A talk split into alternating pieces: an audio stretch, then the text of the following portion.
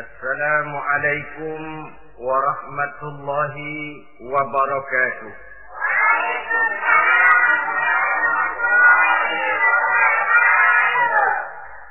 بسم الله الرحمن الرحيم. الحمد لله رب العالمين. والصلاة والسلام على أشرف الأنبياء والمرسلين سيدنا ومولانا محمد. وعلى آله وأصحابه المجاهدين الطاهرين أما بعد Bapak-bapak, ibu-ibu, saudara-saudara kaum muslimin rahimakumullah. Pada pertemuan terdahulu kita telah membicarakan bagaimana memilih jodoh menurut tuntunan agama Islam. Maka pada pertemuan kali ini pembicaraan akan kita tingkatkan kepada bagaimana membina mahligai rumah tangga bahagia dengan menitik beratkan pembicaraan kepada kewajiban bersama baik sebagai suami maupun sebagai istri. Banyak rumah tangga bahagia tercapai apa yang menjadi cita-cita dan tujuan. Tetapi tidak jarang rumah tangga yang tenggelam sebelum sampai ke pantai yang akan dituju. Pada saat-saat perkenalan seseorang dalam usahanya mencari jodoh, dia merasa bahwa pasangannya itulah yang akan memberikan kebahagiaan kepadanya. Hari-hari di mana terjadi pertemuan selalu menjanjikan dan menyanyikan keindahan. Bahkan sehari tak bertemu rasa seminggu, seminggu tidak bertemu rasa sebulan, sebulan tidak ketemu pingsan. Tidak ada tanda-tanda sesuatu itu akan menjemukan. Namun setelah memasuki kehidupan bahtera berumah tangga, baru beberapa bulan saja, atau baru beberapa tahun saja, semua impian tadi sirna dan musnah. Bahagia yang disangka, sengsara yang datang menimpa. Keindahan yang diharap, malah kemalangan yang tumbuh. Hal ini disebabkan orang tidak meresapi hikmah daripada kehidupan berumah tangga, tidak menyadari tanggung jawab dan kewajiban yang akan berbuntut tidak timbulnya saling pengertian dan pada akhirnya tidak akan tumbuh ketenangan di dalam rumah tangga itu. Bukankah kewajiban akan saling memberikan pengertian, pengertian membawa ketenangan, dan ketenangan adalah tangga utama untuk mencapai rumah tangga bahagia. Oleh karena itu, kita mulai saja dengan kewajiban sebagai seorang suami di dalam memimpin rumah tangga bahagia ini. Yang pertama, kewajiban seorang suami ialah mempergauli istrinya dengan baik. Setiap suami, manakala selesai dia mengucapkan ijab dan kabul di hadapan tuan pengulu atau tuan kadi, maka ia pun mengucapkan sirat ta'lik yang berisi perjanjian dari seorang suami bahwa ia akan mempergauli istrinya dengan baik muasyarah bil ma'ruf menurut tuntunan syariat agama Islam. Walaupun janji itu pada zahirnya diucapkan di hadapan tuan pengulu, namun pada hakikatnya itu merupakan janji seorang muslim kepada Allah Subhanahu wa taala. Ini tidak lain karena nikah dalam pandangan Islam merupakan sesuatu yang sakral, merupakan sesuatu yang suci dan bagian daripada ibadah kepada Allah Subhanahu wa taala. Dalam surah An-Nisa ayat 19 Allah Subhanahu wa taala memberikan bimbingan. Ya ayyuhalladzina amanu la yahillu lakum an tarithun nisaa karha. Hai orang-orang yang beriman, tidak dibolehkan bagi kamu mengambil perempuan secara paksa. Dengan kata lain, pernikahan harus dilaksanakan atas dasar suka sama suka. Tidak ada pihak yang terpaksa dan tidak ada pula pihak yang dipaksa Kita hidup tidak lagi di satu zaman seperti zamannya Siti Nurbaya. Walaupun barangkali cinta memang bisa timbul setelah pernikahan, tetapi akan lebih baik kalau sebelumnya telah diawali dengan saling kenal mengenal, saling memahami latar belakang masing-masing untuk memudahkan timbulnya saling pengertian. ولا تعزلوهن لتذهبوا ببعض ما آتيتموهن illa ayyatina bifahishatin mubayyinah. Dan jangan kamu mempersulit mereka. Karena ingin mengambil kembali sebagian dari apa yang telah engkau berikan kepada mereka kecuali apabila mereka telah nyata-nyata melakukan perbuatan-perbuatan yang keji. Wa bil ma'ruf. Dan pergaulilah istri-istrimu itu dengan baik. Fa in karihtumuhunna kalau kamu merasa tidak suka kepadanya bersabarlah. Fa'asa an takrahu syai'an wa fihi khairan katsira. Karena boleh jadi kamu tidak menyukai sesuatu padahal Allah menjadikan di dalam sesuatu yang kamu tidak sukai itu kebaikan yang banyak bagimu. Ini merupakan tuntunan umum. Betapa seorang suami harus mempergauli istrinya dengan baik muasyarah bil ma'ruf menurut tuntunan syariat agama Islam. Karena bagaimanapun hak milik seorang suami terhadap istrinya adalah milkul manfaat. Milik untuk mengambil manfaat. Bukan milkul mutlak seperti seorang memelihara budak umpamanya. Yang bisa dihitam putihkan, bisa dijungkir balikan, bisa diperlakukan sekehendaknya, itu bertentangan dengan tuntunan agama kita. Adalah kewajiban seorang suami mempergauli istrinya dengan baik. Kemudian yang kedua, seorang suami harus menaruh perhatian, menjaga kehormatan, dan bila perlu turut membantu dan menolong pekerjaan istrinya. Menaruh perhatian sampai kepada hal-hal yang kecil sehingga si istri merasa bahwa dia mendapat perhatian. Ada dia mengadu, ada tempat dia melarikan persoalan, ada tempat dia bercerita.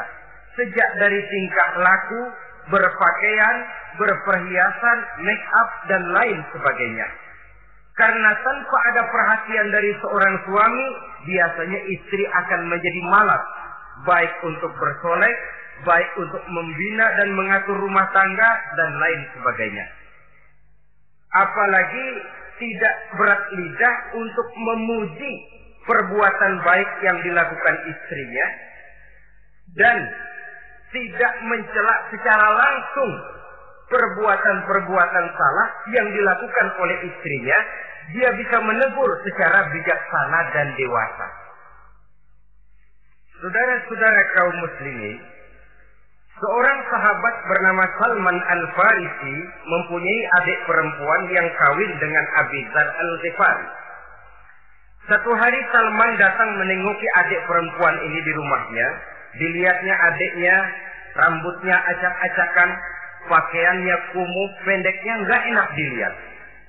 Salman memberikan nasihat, kau bersoleklah sedikit supaya suamimu betah di rumah Kata istrinya, untuk siapa saya bersolek? Ya tentu untuk siapa lagi kalau bukan untuk suamimu. Kata adiknya, percuma saja. Suami saya jarang di rumah. Ke mana? Di masjid terus. Salman mengadukan hal ini kepada baginda Rasul. Lalu baginda Rasul mengatakan, Inna likulli hakkun. Segala sesuatu ada haknya. Allah ada haknya untuk disembah, istri pun mempunyai hak untuk dipenuhi. Melalaikan salah satu hak berarti melakukan kezaliman. Di sini kita melihat fungsi karena kurangnya perhatian Abi Zar al-Rifari terhadap istrinya akan mengakibatkan kemalasan si istri untuk mendandani dirinya sendiri. Dengan mendapat perhatian, apalagi tidak berat lidah, maka kegairahan dalam kehidupan berumah tangga rasa-rasanya akan sangat mudah terwujud. Kalau suaminya bersolek, kalau istrinya bersolek, kata suaminya, ah memang pandai milih warna. Walaupun barangkali warnanya norak betul. Tapi kalau pada saat itu seorang suami jujur, kan akan timbul pertengkaran. Kadang-kadang istri bersolek suami apa katanya? Lu sih dandan mangga dandan sama. Ini kan sudah tidak menghargai, tidak menaruh perhatian. Udah dah, dandan nggak dandan sama, gue kenyang melihatnya. Saudara hadirin yang saya muliakan, tidak menaruh perhatian. Sehingga si istri merasa tidak diperhatikan. Nah kalau sudah tidak diperhatikan, lihat saja. Jangankan dalam contoh seperti berumah tangga, apa saja. Seorang anak kalau sudah tidak merasa diperhatikan oleh orang tuanya, dia akan sewenang-wenang. Begitu juga seorang pegawai kalau sudah tidak merasa diperhatikan oleh atasannya, semaunya kerja. Pun seorang istri kalau dia merasa sudah tidak diperhatikan oleh suaminya, akibatnya dia akan dandan semaunya, dia akan ngurus rumah tangga semaunya, dia akan memasak masakan semaunya. Nah kalau sudah semaunya begini, alamat tidak akan ada keharmonisan di dalam kehidupan rumah tangga itu sendiri. Suami yang baik sangat menaruh perhatian kepada istrinya. Dari hal yang kecil sampai pun kepada yang sebesar-besarnya. Tapi tidak berarti nyeleneh. Apa itu nyeleneh? Menaruh perhatian bukan selalu mau ingin tahu. Jangan lantas suaminya yang beliin bedak, suaminya yang beliin. Itu nyeleneh namanya. Overacting. Terlalu berlebih-lebihan sampai kepada sesuatu yang tidak pada tempatnya. Di samping menaruh perhatian juga menjaga kehormatan. Dan bila ada waktu dia turut membantu menolong pekerjaan daripada istrinya. Bukankah seorang perempuan mau melakukan nikah dengan seorang laki-laki karena dia menambahkan hidup yang bahagia? Terus terang saja kan kadang-kadang istri kita ini lebih banyak borongan. Yang saya maksud borongan artinya ya sebagai istri ya dia Ya nyuci ya dia, ya masak ya dia, ya membersihkan rumah tangga ya dia. Istri borongan. Baiklah kalau barangkali memang kondisi ekonomi kita belum menunjang ke arah sana. Walaupun istri berkewajiban untuk taat kepada suami, tetapi adalah wajar suami pun tenggang rasa dan timbang-timbang. Rasulullah saja kadang-kadang dan tidak jarang menjahit bajunya sendiri, memperbaiki kasusnya sendiri, artinya pada waktu yang terluang dan memang bisa dilakukan, jangan mengandalkan kepada istri. Dengan demikian, istri merasa bahwa resiko membina rumah tangga adalah merupakan resiko bersama. Saudara-saudara, yang ketiga, seorang suami yang baik memperhatikan yaitu tidak mengeluarkan kata-kata yang kasar. Sebab apa? Perempuan adalah makhluk yang paling cepat tersinggung. Perasaannya sangat halus. Dan saya kira perempuan itu lebih sakit ditampar dengan bahasa daripada ditampar dengan tangan. Kalau ditampar dia dengan tangan, urusannya paling nangis 2-3 jam sudah sembuh. Tapi ditampar dia dengan kata-kata, ditampar dia dengan omongan, itu sangat menyakitkan hatinya. Seorang suami yang baik tidak mengeluarkan kata-kata yang menyinggung perasaan. Kata-kata yang kasar. Dia pandai menggunakan kata-kata yang baik untuk menghidupkan rumah tangganya. Rasulullah sering kali memanggil Siti Aisyah itu dengan Humaira. Humaira dari kalimat ahmar yang kemerah-merahan. Sebab rupanya kulit Siti Aisyah itu kuning kemerah-merahan seperti tomat mengkel. Sehingga panggilannya Ka'ali ya Humaira. Kemarilah wahai yang kemerah-merahan. Alangkah indahnya panggilan ini. Kadang-kadang kita mah jujur suami ini. Ketahuan istri bongkok. Enak banget bongkok. Sini loh.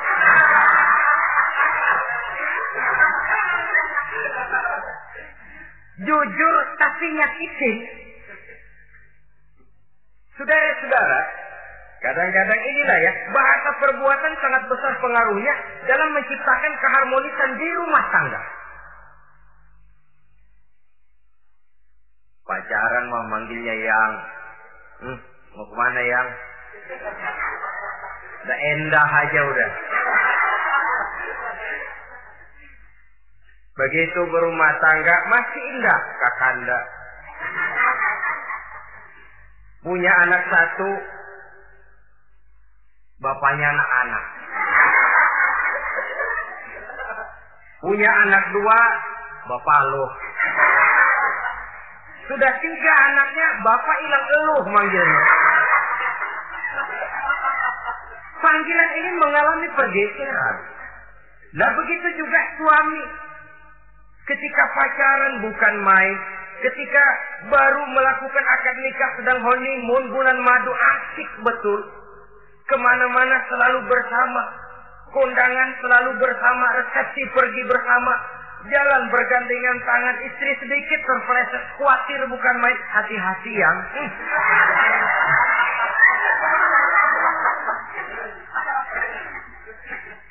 Sudah anak tiga, istri ngajak kondangan, kata suami, lo pergi duluan aja dah.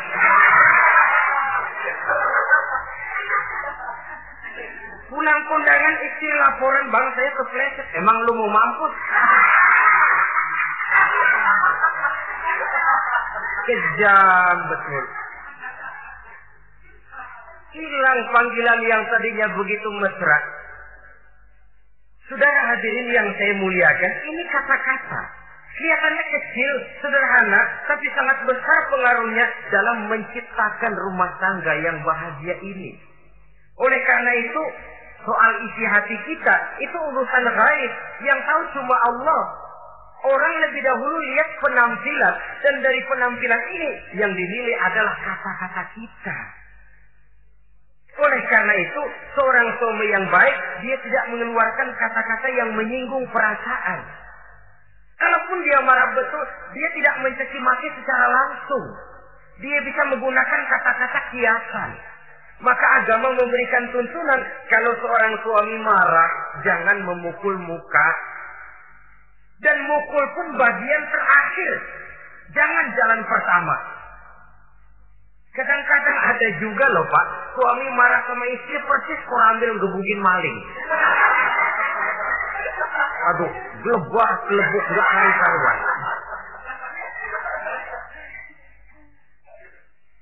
Jangan, kata agama kalau kau memang ya melihat tingkah laku istrimu yang tidak enak, tegur dengan kata-kata. Lemah lembut. Lemah lembut tidak bisa, sedikit keras. Sedikit keras masih nekat. Bentak. Bentak pun tidak bisa juga. Pisah tempat tidur. Pisah tempat tidur masih tidak bisa juga. Pukul. Jangan mukanya. Bagian lain dari tubuh. Itu pun tujuannya bukan untuk menyakiti. Tapi untuk mendidik. Saudara hadirin. Misalnya istri tidak sholat. Suami tampil. Bu, sholat. Mbok ya malu sama tetangga kalau nggak sholat dengan lemah lembut masih tidak kena. Besok kencengan dikit ngomongnya. Mari kan udah saya bilangin sholat. Dua kali. Belum mau juga. Oh sholat jadi. Mulai naik tensi omongan. Masih nekat. Begini saja. Saya dari kalem sampai bentak udah. Sekarang kamu nggak mau juga sholat. Saya mulai nggak enak pikiran. Mulai ntar malam kamu tidur kamar depan, saya kamar belakang pisah tempat tidur. Kadang-kadang kan nggak kuat emosi kalau sudah marah sama istri ngebludak kalau istri diusir sudah pulang ke rumah moyang muzat.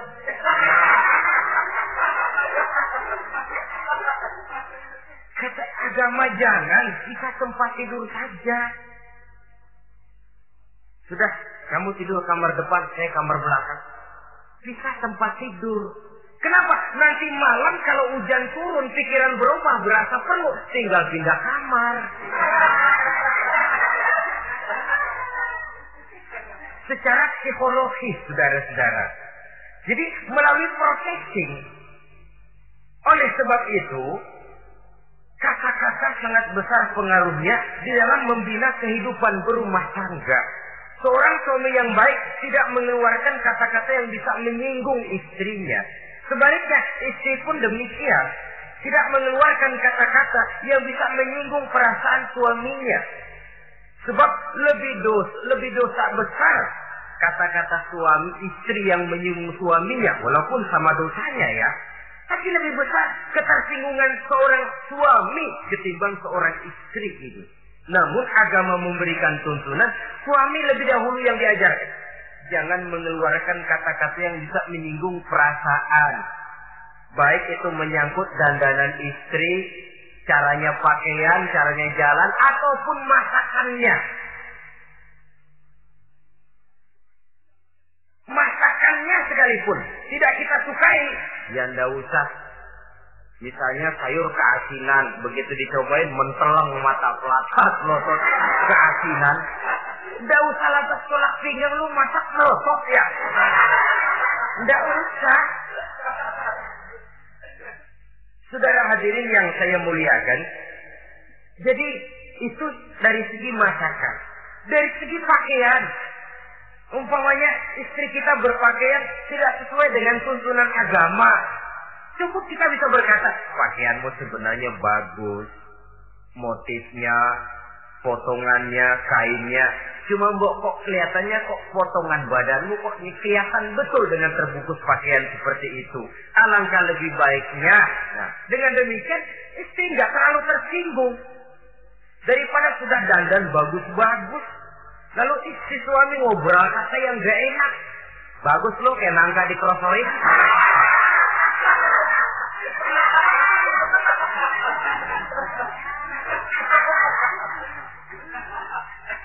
Allahu Akbar. Istri tentu saja tersinggung. Atau dia pakai budak berlebihan.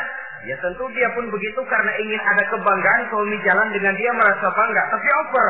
Budaknya berlebihan, lipstiknya berlebihan. Suami usil. Begitu mau berangkat kondangan istrinya keluar nanya mau main topeng monyet di mana.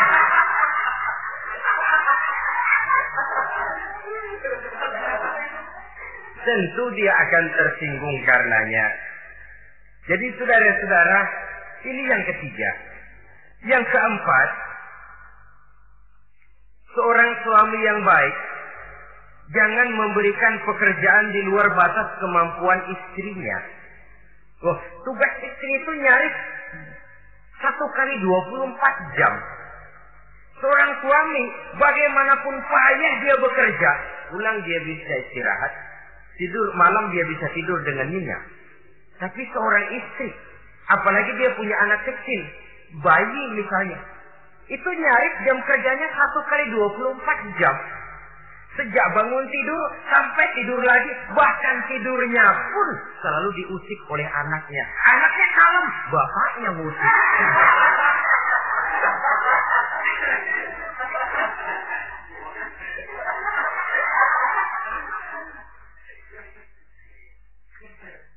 Jadi jangan memberikan pekerjaan di luar batas kemampuan. Kata pepatah, "Iza aradta an tuto'a fasal ma Apabila kamu ingin ditaati, perintahkan apa yang orang mampu mengerjakan. Jadi kalau kita memerintahkan seseorang untuk melaksanakan sesuatu yang dia jelas tidak mampu, itu artinya sama dengan kita tidak ingin ditaati oleh orang itu. Bukan dia tidak mau taat, jenis pekerjaan yang kita berikan di luar batas kemampuannya. Nah kalau sudah begitu, tentu saja lalu ketaatan akan menurun jadinya. Tadi sudah saya katakan, kadang-kadang istri kita ini istri borongan. Dalam arti, ya dia masak, ya dia nyuci, ya dia ngepel, ya dia ngejemur, ya dia ngetriska. Borongan. Terlalu berat tugasnya. Oleh karena itulah seorang suami yang baik, dia harus tenggang rasa, timbang diri, tidak memberikan pekerjaan yang di luar batas kemampuan daripada istrinya. Kalau tidak mampu karena merasa dimanjakan oleh istri suaminya.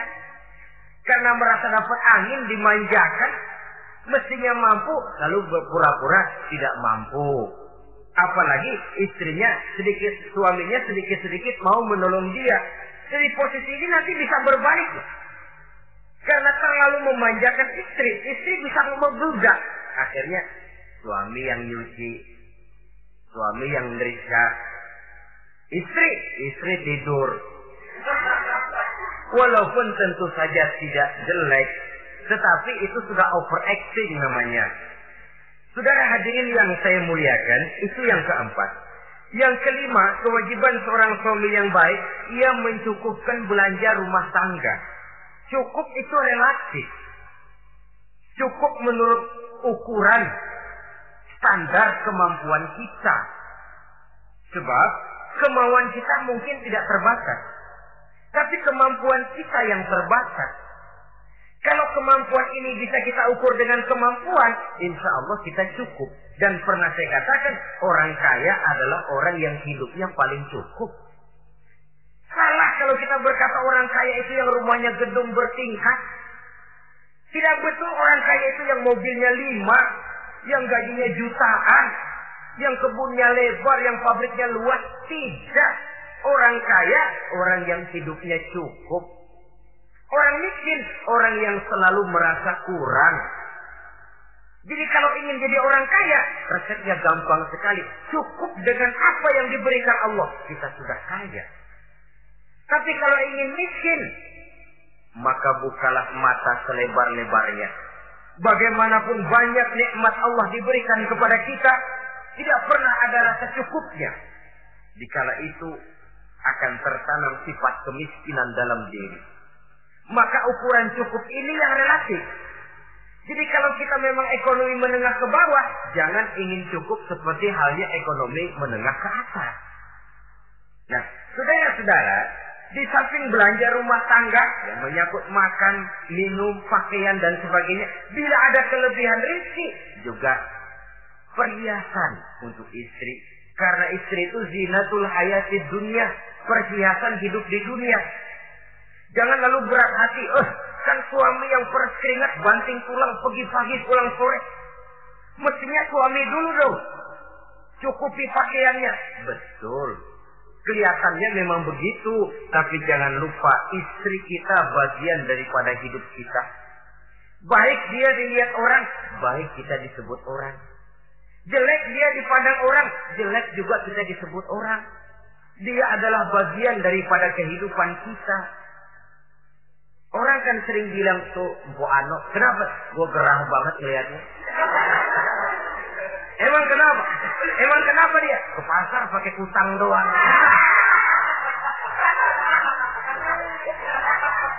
Kata temennya terang aja dia kan binnya si Meun itu.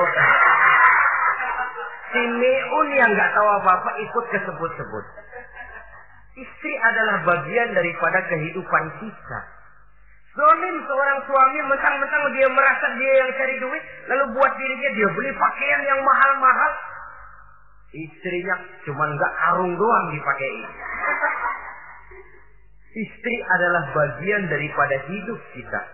Baik dia dilihat orang, baik kita disebut orang.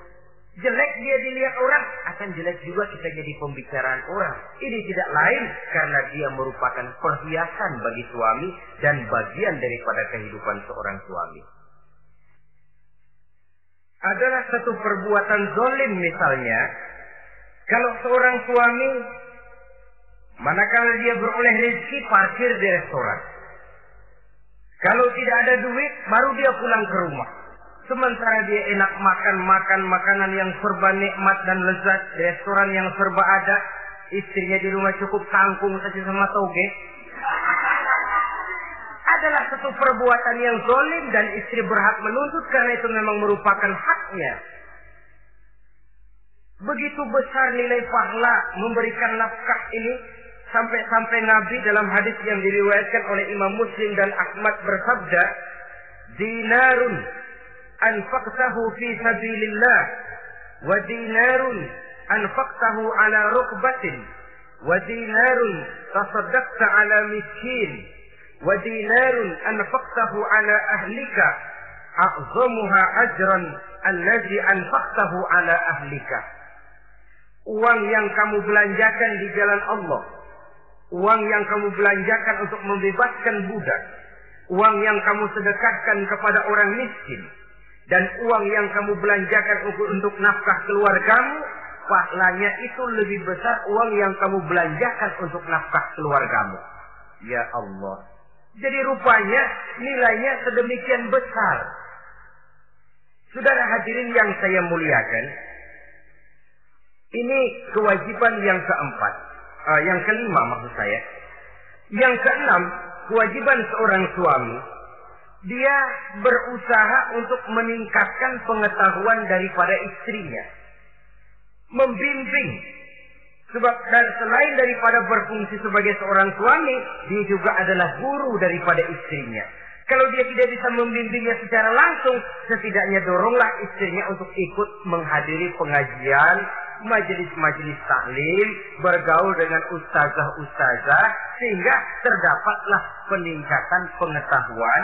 Paling kurang pergaulannya bertambah luas, cakrawala pandangannya juga tidak jadi sempit karenanya. Sebaliknya, peluang ini pun harus dimanfaatkan oleh istri dengan sebaik-baiknya, dengan niat yang ikhlas keluar dari rumah untuk mencari ilmu pengetahuan. Yang repot kadang-kadang dari rumah berangkat ngaji, sampai di pengajian suaminya diakur-akurin.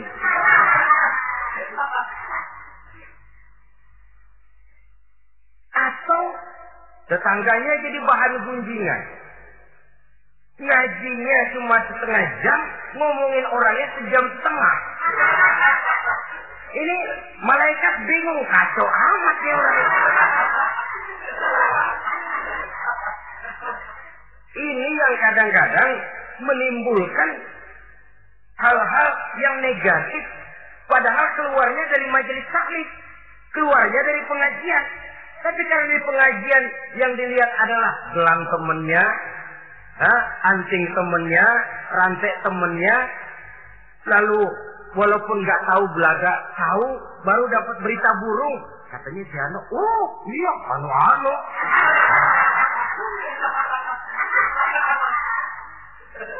Saudara hadirin yang saya muliakan, akhirnya nanti kan suami jadi pegel. Lu kok disuruh ngaji bukan mikir bener pulang malah gua digonggong-gonggong minta gelang bagaimana? rupanya tidak memanfaatkan peluang yang diberikan itu seperti yang seharusnya. Jadi kalau memang seorang suami tidak bisa membimbing istrinya dalam arti meningkatkan ilmu pengetahuannya, doronglah dia, berikan kesempatan untuk menghadiri pengajian, majelis-majelis taklim yang akan lebih membuka nuansa pergaulan, lebih meluaskan pandangannya, dan ada refreshing. Nah ini penting. Apakah kita suami ini pernah membayangkan bagaimana kalau kita satu kali 24 jam mesti ada di rumah saja? Tiap hari menghadapi yang itu-itu juga. Apa tidak timbul kejenuhan? Kalau kita begitu, apa istri kita juga tidak begitu? Karena itu sangat bijaksana kalau ada waktu luang Boya ajaklah istri dan anak-anak makan di rumah makan. Kalau ada kelebihan rezeki loh ini ya. Tapi jangan maksa-maksa. Karena terlalu ingin lalu ngutang dulu sama temen. Itu juga nggak betul. Niatnya baik cuma ngutangnya itu nanti yang jadi nggak betul. Ya refreshing, re, apa relax, santai. Apa itu ke Taman Safari, apa itu ke Bogor.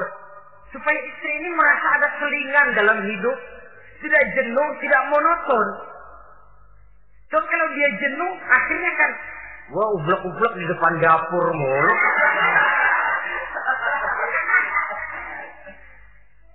Saudara hadirin yang saya muliakan, kejenuhan ini pada kan akan meledak. Nah, kalau meledak tanpa tersalurkan, dia akhirnya akan mencari saluran sendiri. Iya kalau positif, kalau negatif, innalillah wa inna ilaihi raji'un jadinya. Oleh karena itu, seorang suami yang baik berkewajiban meningkatkan pengetahuan istrinya. Sebab boleh jadi istri tidak melaksanakan kewajiban karena tidak tahunya. Dan kalau istri nggak tahu, jangan digoblok-gobloki. Mestinya dibimbing, diberikan kesempatan ngaji. Kamu sih disuruh gini aja kok nggak bisa emang goblok aku Memang bukan sudah bukan dibimbing malah digoblok-goblok. Kalau istri kan apa ya? Bahasa Prancisnya nelongso. Apa nelongso? Narik diri. Apa katanya? Gue tahu lo goblok lo nggak kawin sama gue. Nah.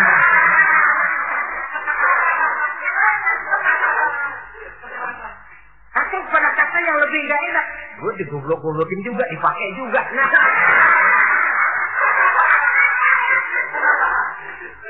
Kan lebih nggak enak lagi tuh.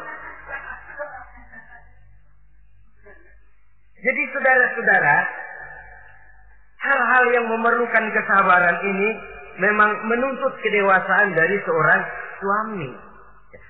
Dia kalau baru satu dua bulan berumah tangga, segalanya masih menjanjikan dan menyanyikan keindahan. Tapi makin hari kita bergaul di rumah tangga, kita makin tahu karakter, mental, watak daripada istri. Kekurangannya mulai kelihatan, keburukan wataknya mulai nampak. Dikala itulah kita sebagai suami harus dewasa, sabar, membimbing mereka. Kalau waktu dua tiga bulan pertama di rumah tangga namanya honeymoon, segalanya indah. Mana ada kekurangan? Masa keasinan, lezat. Nasi kekerasan, asyik. Segalanya nggak pernah salah, selalu betul. Suami istri masa keasinan, lihat si suami melotot makan, nanya, bang sayur keasinan, enggak, enggak. Soal, soal keasinan bagus, keasinan masih bagus. Kenapa? Udah endah aja. Tapi mampukah ini bertahan? Ini yang jadi masalah. Mempertahankan suasana kebaruan itu. Saudara hadirin yang saya muliakan. Yang ketujuh, kewajiban suami ini, suami yang baik, memberi kesempatan kepada istri untuk nengok, bersilaturahmi dengan orang tuanya, kerabatnya, atau tetangganya. Walaupun nanti ya, istri tidak boleh menggunakan ini secara salah. Karena apa? Karena orang tua dan mertua itu cuma istilah. Hakikatnya ya sama. Ya mertua ya orang tua. Ya apalagi orang tua. Itu cuma satu istilah. Perbedaan istilah tidak harus menyebabkan kita berbeda sikap. Jangan kalau mertua yang datang, suami curiga. Kalau istri didorong-dorong. Begitu tuh, datang. Babelu katanya. Kalau belum apa-apa sudah buruk sangka biasa Babelu. Biasa katanya. Nah, biasa ini sudah gak enak tuh. Biasa datang bawa jeruk pulang minjem duit. Allahu Akbar. Ini kan sudah menanamkan rasa gak enak. Malah akan lebih baik kalau mertua yang datang, suami menyambut lebih dahulu. Sehingga akan nampak kecintaannya. Tidak lagi membedakan antara mertua dengan orang tua karena cuma cuma sekedar istilah. Memberikan kesempatan dan seorang istri pun walaupun akan ke rumah orang tuanya sendiri, izin suami itu wajib. Jangan merasa saya kan mau ke rumah orang tua sendiri, kepada orang tua kan ibadah, wajib betul. Tapi setelah punya suami, ranking pertama suami. Bukankah saudara pernah dengar satu riwayat seorang sahabat akan pergi jihad di jalan Allah, perang membela agama. Ketika akan berangkat dia pesan sama istrinya, aku mau perang membela agama. Aku pesan, kalau aku belum pulang ke rumah, kau jangan keluar rumah. Baik bang, berangkatlah si suami dengan iringan doa istrinya. Lihat, ini istri yang baik ya. Suami pergi kantor, istri doa. Di situ letak kerjasama. Suami buka warung, istri sembahyang duha. Di situ letak kerjasama. Ya Allah, kata istri dalam doanya itu, mudahkan rezeki suami saya.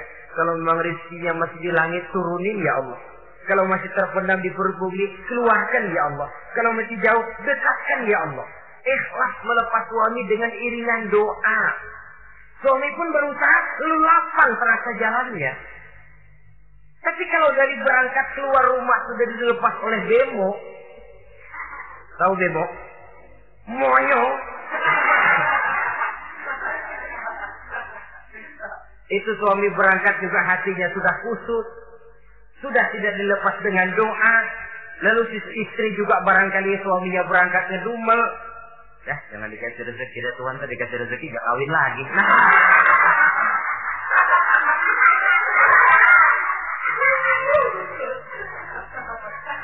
Kalau sudah semacam ini yang terjadi, bukankah masing-masing yang berangkat pikiran kusut, yang melepas pun pikiran gak enak jadinya. Di situ letak kerjasama. Saudara hadirin, setelah suaminya ini pergi, Datang utusan dari orang tua si istri tadi. Assalamualaikum bu. Waalaikumsalam. Ada apa? Orang tua ibu sakit keras, ibu diminta datang. Ya Allah, suami saya baru saja berangkat. Istri suami saya bilang kalau dia belum pulang perang, saya nggak boleh keluar dari rumah. Tolong sampaikan maaf saya kepada orang tua saya. Saya belum bisa datang karena suami saya pesan begitu. Pulang utusan ini. Besok balik lagi. Gimana? Aduh bu, orang tua ibu makin parah. Kelihatannya nggak ada harapan datang dah sebelum menghembuskan nafas yang terakhir. Suami saya belum pulang. Saya nggak berani keluar rumah sebab begitu pesannya. Sudah pulang saja. Saya ikut doa mudah-mudahan orang tua cepat sembuh. Besoknya hari ketiga utusan ini datang lagi. Bagaimana? Sudah meninggal bu. Barangkali sebelum dikubur ibu masih mau ketemu. Maaf saja. Bagaimanapun berat hati saya. Suami saya belum pulang. Pesannya tadi begitu. Ini rupanya utusan kesel. Ini orang sama orang tua sendiri gini-gini amat. Lalu lapor kepada baginda Rasul. Apa jawab beliau? Baginda Rasul malah berkata, dosa orang tua yang meninggal ini sudah diampuni oleh Allah karena dia mempunyai anak perempuan yang begitu taat kepada suaminya. Allah Akbar. Jadi ketaatannya kepada suaminya ini diberikan satu ganjaran oleh Allah mengampuni dosa orang tuanya yang sudah meninggal. Jadi jangan merasa mentang-mentang mau ke rumah orang tua sendiri, selonong boy. Hah? Selonong boy. Masa bodoh laki mau tahu nggak tahu, pokoknya gua ke rumah orang tua gua sendiri. Jangan lupa, setelah berumah tangga, ranking urutan pertama suami, setelah itu barulah orang tua. Saudara hadirin yang saya muliakan, Begitu juga istri yang baik mendapat izin dari suaminya. Bu, tolong ambilin uang di dompet. Sudah izin. Istri yang baik, dompet-dompetnya dibawain. Ini saja bang, ambil sendiri. Nanti saya ambil 10 ribu, merasa kurang 20 ribu. Lagi ambil saja sendirilah. Lain dengan istri yang nyelongcong, lagi pergi mandi dompet acak-acakan.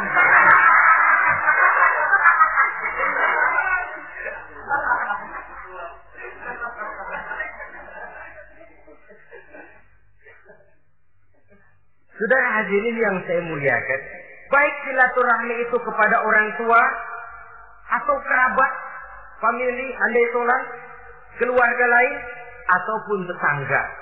Tetangga itu perlu sepanjang dia menghasilkan nilai-nilai positif. Karena memang kita makhluk bermasyarakat. Yang tidak boleh kalau dengan bertetangga itu lalu menghasilkan hal-hal yang negatif.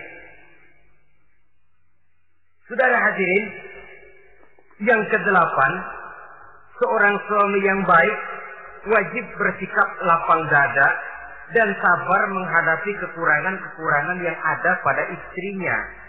Lapang dada dan sabar. Sebab memang membangun manusia itu lebih sulit dari membangun jembatan. Kalau memperbaiki jembatan, mungkin seminggu dua minggu selesai. Tapi memperbaiki watak seseorang memerlukan waktu lama. Prosesnya perlukan kesabaran, sikap lapang dada dan sebagainya. Seorang suami harus bersikap lapang dada dan sabar menghadapi kekurangan-kekurangan yang ada pada istrinya. Dan kekurangan-kekurangan itu tidak lalu dia ceritakan kepada yang lain. Kan ada toh kadang-kadang suami kalau ngobrol sama temennya kekurangan istrinya jadi jadi topik diskusi ini gue payah banget dah. Lu nggak ada yang nanya istrinya dipayahin di mana-mana. Kayaknya nggak malu. Meng mengorek air sendiri kan menepuk air di dulang toh itu artinya. Kalau aib istri kita, kita ceritakan di mana-mana. Bukankah artinya kita juga menceritakan aib kita sendiri? Karena istri bagian daripada kehidupan kita. Sebagaimanapun seorang istri tidak wajar menceritakan aib dan kekurangan suaminya di mana-mana. Malah dia harus menutupi. Malah kelemahan-kelemahan dan kekurangan suaminya harus dia jaga. Dia tetap bangga. Di mata saya suami saya adalah Arjuna yang tidak punya kekurangan apa-apa. Kalaupun orang bawakan berita, ah, tidak betul itu. Walaupun hatinya panas, tapi dia masih bisa menunjukkan wajah yang sejuk, senyum dalam hati yang panas. Sebab saudara-saudara, apabila kita tidak punya filter, ini kadang-kadang kita mau tenang, kita bisa dibakar oleh yang lain. Tapi kalau ada filter, kita bisa menyaring. Boya masa iya. Sehingga dengan demikian, sikap lapang dada dan kesabaran ini, walaupun diutamakan adalah merupakan kewajiban suami, juga sekaligus merupakan imbangan daripada si istri. Nah, kemudian yang kesembilan, seorang suami wajib berpenampilan bersih dan rapi di hadapan istrinya. Dia tanpa anggun. Anggun ini lalu menimbulkan wibawa. Nah, dari wibawa lahir rasa hormat. Tapi kalau suami di depan istrinya kelihatan butut, rebek, jelek, belek.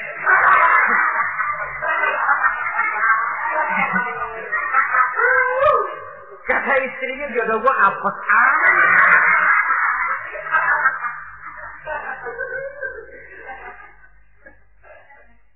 tidak akan timbul kewibawaan. Nah kalau sudah tidak timbul wibawa, ya bagaimana si istri itu akan merasa dia wajib taat kepada suami. Saudara hadirin yang saya muliakan, jadi ternyata penampilan bukan cuma kewajiban istri. Seorang suami juga harus mengimbangi itu. Sehingga dengan demikian, keterasian dalam kehidupan di rumah tangga itu akan terasa jadinya. Nah inilah pada prinsipnya kewajiban daripada suami. Lalu kemudian apa kewajiban istri Yang pertama, saudara-saudara, terutama ibu-ibu tentu, istri itu berkewajiban untuk taat dan patuh kepada suaminya. Sepanjang perintah suaminya itu tidak untuk bermaksiat kepada Allah.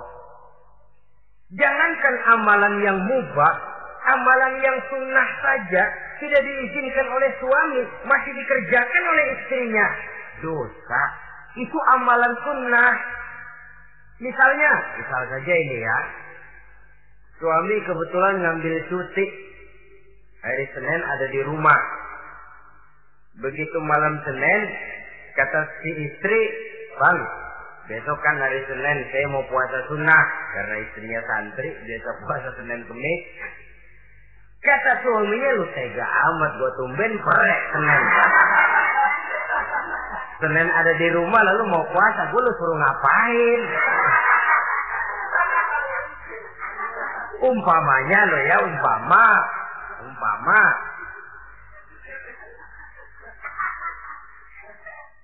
Lalu tanpa izin si suami, istri puasa juga, puasa tunai bukan saja tidak mendapat pahala, malah dosa hukumnya.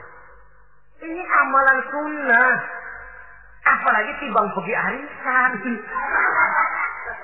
Apalagi tibang pergi tetangga. Amalan sunnah tidak mendapat izin daripada si suami. Dosa untuk dikerjakan. Dengan pertimbangan tadi, ya tumben cuti hari Senin. Istri dadakan puasa, lah suami nganggur total.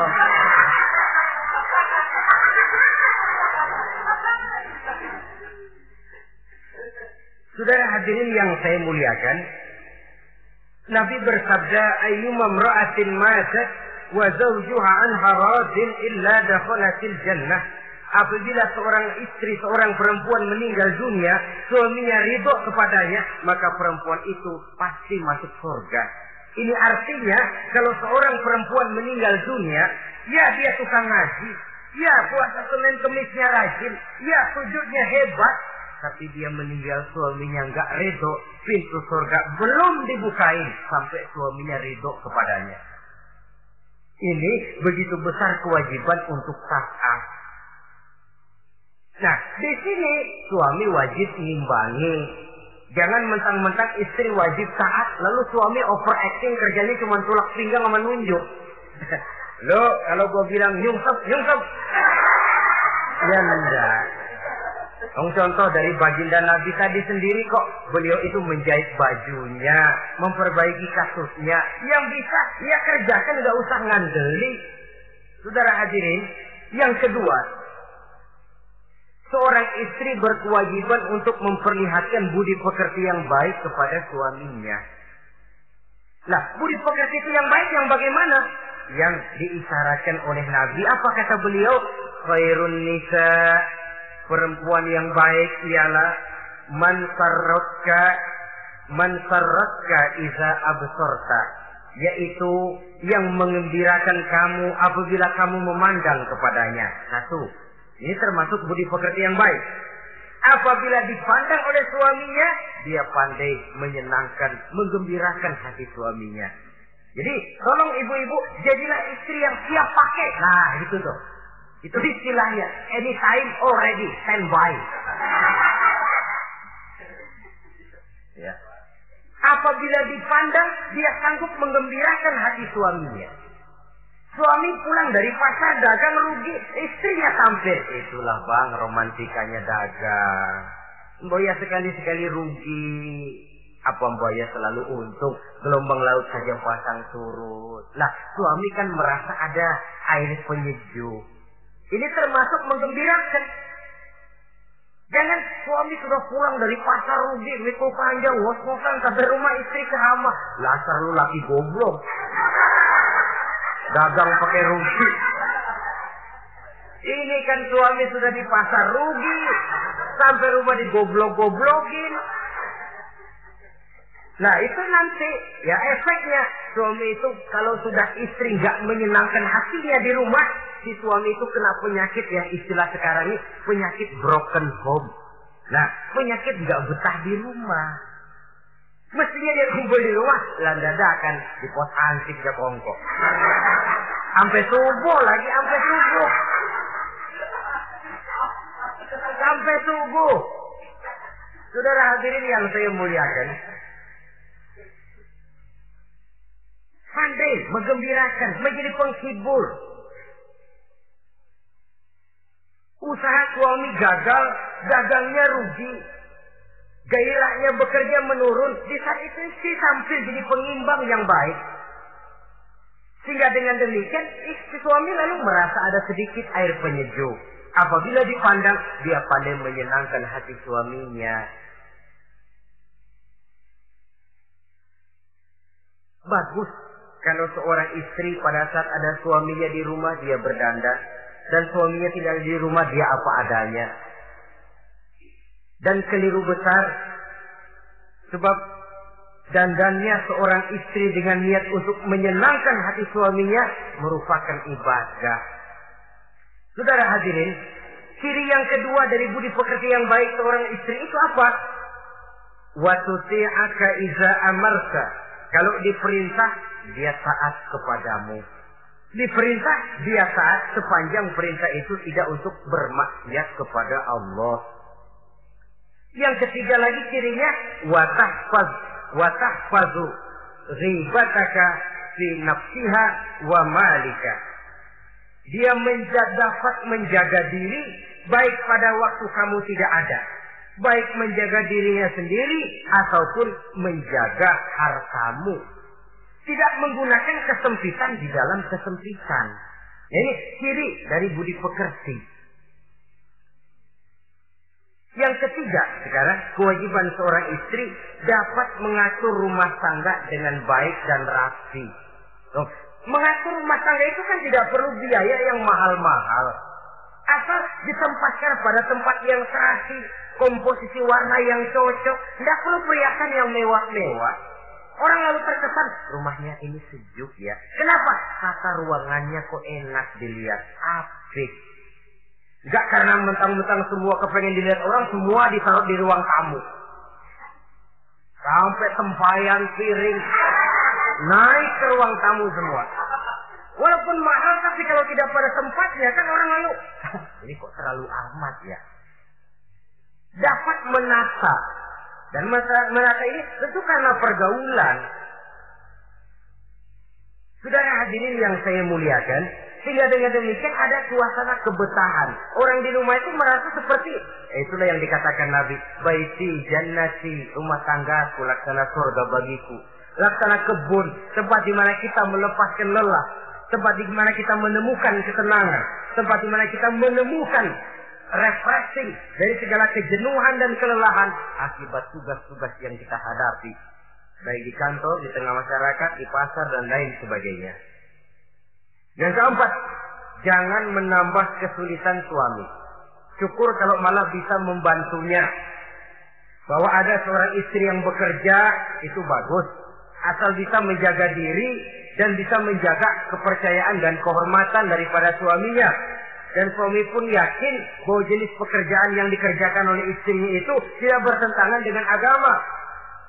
Tapi malah kalau sampai si suami yang mempekerjakan istrinya mengeksploitir istrinya, ini zolim.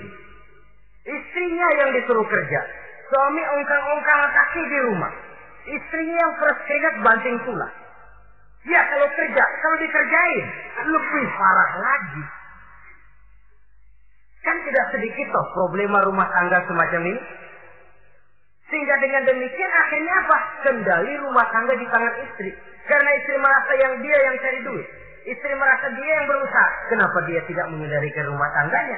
Jika itu jatuhlah suami di bawah komando istrinya. Hilang wibawa, hilang karisma, tidak ada ketakutan.